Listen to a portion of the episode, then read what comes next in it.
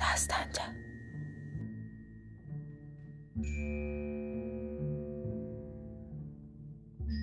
Şahın bibisi oğlu Livarcanın ağası Hacıxan iki oğlu və nökərləri ilə bərabər bizim istiqbalımıza çıxmışdı. Gecənin qaranlığında küçələr nökərlərin saxladığı böyük fənərlərlə işıqlanmışdı. Görüşdük. Mən post müdiri və xan faytondan düşüb piyada gedirdik. Xanımlar isə faytondan düşməmişdilər. Yolun hər iki tərəfində xanın rəiyyətləri sıra ilə düzülmüşdü. Onlar faytonlara təzim etdikcə mən İranda hökm sürən köləlik dövrünün bu şəklini gözdən keçirdim. Uzun küçələr Livarcanın böyük şəhər olduğunu bildirirdi. Faytonumuz fənərlərlə işıqlanmış böyük bir qapıda dayandı. Bura Hacıxanın yaşadığı bəna idi. Dərhal hər faytonun qabağında bir qoyun qurban kəsildi. Qurbanlar kəsilincə dayandıq. Qoyunlar kəsiləndən sonra cəmdəkilərin üzərindən adlayıb keçməli idik. Postelqraf müdiri əvvəlcə keçməyi mənə təklif etdi. Mən də etiraz etmədim.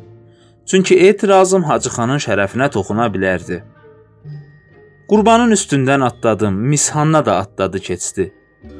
Şübhəsiz ki, şərqşünas qız şərqin qurban adətini bilməmiş değildi.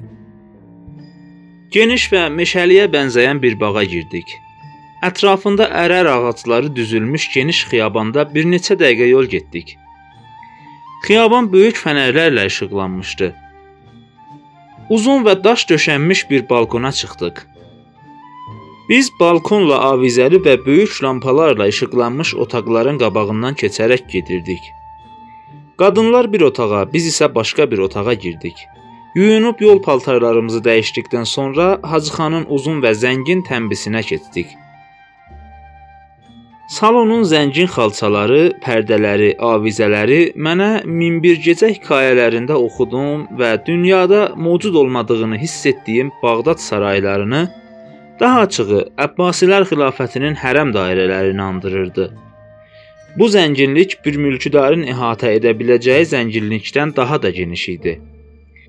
Bura bir neçə kəndi yox, bəlkə İran kimi zənginliklər və asar əntiqələr ölkəsini istismar edən bir əlin hakim olduğunu hiss etdirirdi. Miss Hanna salona gec gəldi. Xanın oğlunun dediyinə görə, xanın arvadı, gəlinləri və qızları Miss Hannanın ətrafına toplaşaraq onu yanlarından buraxmaq istəmirlərmiş. Miss Hanna post teleqraf müdirinin arvadı ilə bərabər salona girdi. O irəlilədikcə qızıl alovlu şəmləri olan böyük avizənin şəfəqlərinə yaxınlaşır və şəfəqlərdən rəng alan ağ ipək donu ilə əlvan bir vəziyyət alırdı. Mən qızın Hacıxanla nə cür görüşüb tanış olacağı ilə maraqlanır və əcəba qız qoca Hacıxanla bir qərbili və ya bir şərqli kimi mi rəftar edəcəkdir deyə düşünürdüm. Mishanna əvvəlcə salona farsca ümumi bir salam verdi. Bundan sonra Mishanna Hacıxana yanaşıb onun əlini tutdu və əlindən öpdü. Hacıxan isə əlini onun saçlarına toxunduraraq Bərəkallah qızım. Bərəkallah dedi və oturmasına icazə verdi.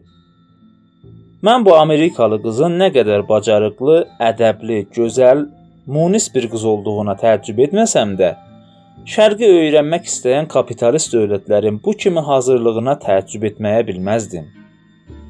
20 yaşında bir qızın Şərqin əhval-ruhiyyəsini öyrənməsi, özünü bir şərq qadını kimi aparması olduqca maraqlı və bir hünərpişənin səhnədə oynaması kimi maraqlı idi.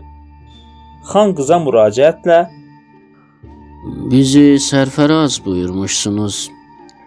Sizin təşrifiniz münasibətilə özümüzü bəxtiyar hesab edirik. Əfv edərsiniz, kiçik bir qəsəbədə yaşadığımız üçün mədəni məmləkətlərdən gələn əziz qonağı mədəni bir halda rahat edə bilməyə qadir deyilik. Biz Mishannanın Hacıxana nə cavab verəcəyi ilə maraqlanırdıq. Hacıxan şərqin mehmannavaz bir şivəsi ilə danışdı. Qız isə bir Amerikalı olduğundan Şərqin bu kimi rəsmi tərifinə qarşı hansı üslubda danışa bilərdi? Hacı xan qızın farsça anladığını və farsça danışdığını bilsə də, onun bir fars qızı şivəsi ilə hərəkət edəcəyini bilmirdi. Odur ki, qız danışmağa başlarkən Hacı xan tamamilə heyrət içində qaldı. E, şərqin unudulmaz və başqa ölkələrdə təsadüf edilməyəcək bir xüsusiyyəti vardır. deyə Hanna biraz düşündü. Dastanca. Bəfərma, doktora mehribanəm. deyə Hacıxan onu təşviq etdi. E, nədənsə insan şərqlilərə tez öyrəşir. E, onlara yaxınlaşmaq nə qədər böyük bir səadətdirsə, onlardan ayrılmaq da o qədər çətindir. Qızın bu sözlərindən xan və xanın oğlanları çox razı qaldılar. Çaylar tökülməyə başladı. Hər şeydə bir xariqül-adəlik nəzərə çarpırdı.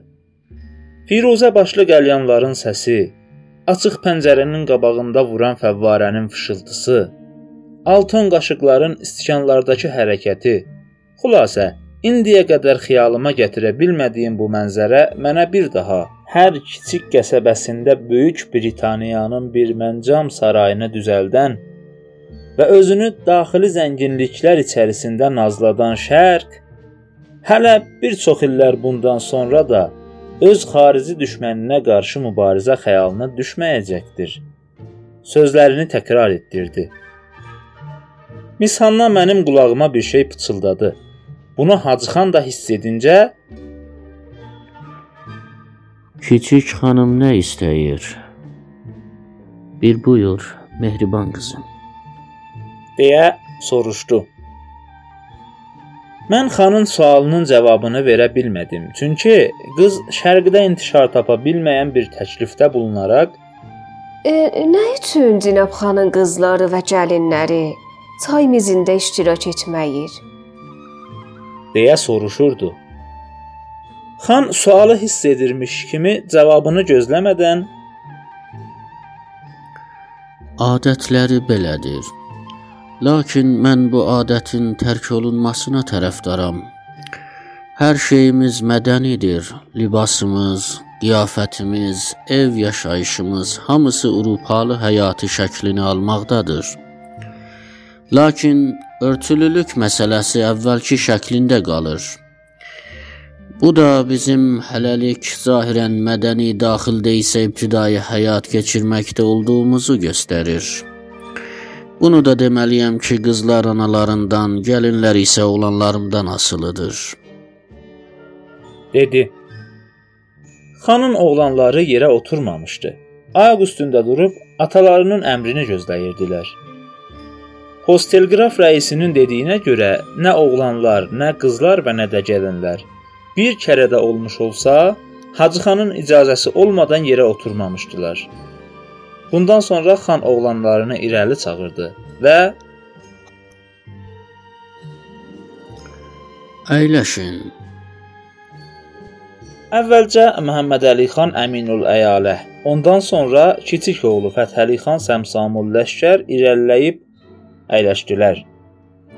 Yenə də biraz sonra xan onlara müraciətlə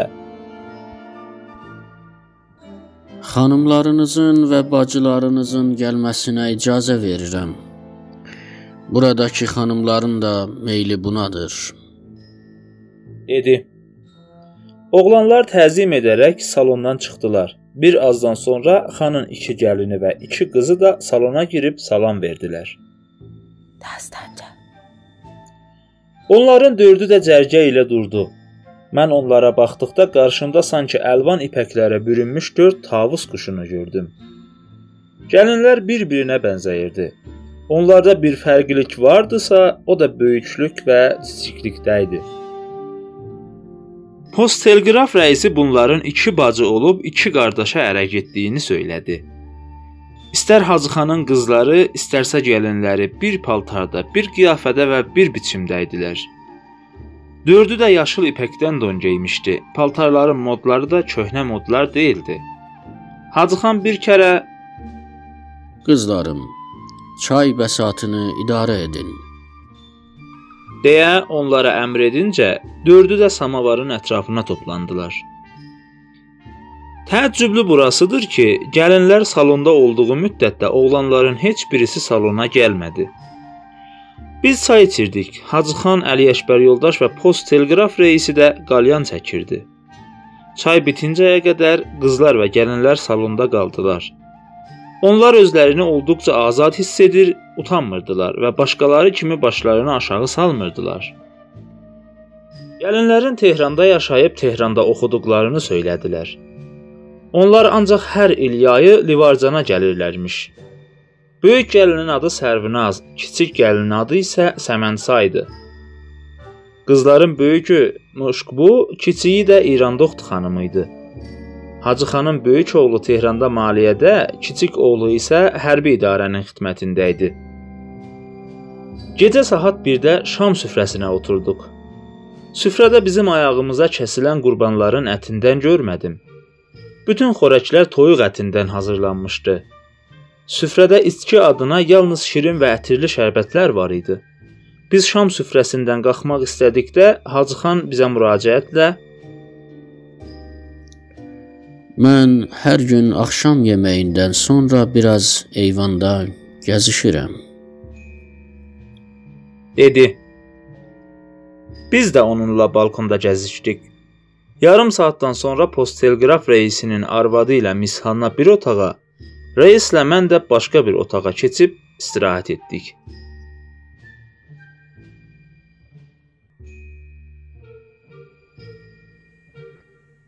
Kitabın adı Dumanlı Təbriz. Yazar Məhəmməd Səid Ordubadı. Hazırlayan Nurullah Purşərif. Bu bölümdə səsləndirdilər: Ravi Əhməd Qurbanı, Mishanna Mina Purheydər, Hacıxan Mehdi Miyablı. Düzənləyən Səccad Müslimi. Yönetmən Saray Tahiri. Bizim axağa qatılmaqla işimizin ardını tutmaqda bizə dəstək olun. Axağımızın adresi Dastanca D A S T A N C A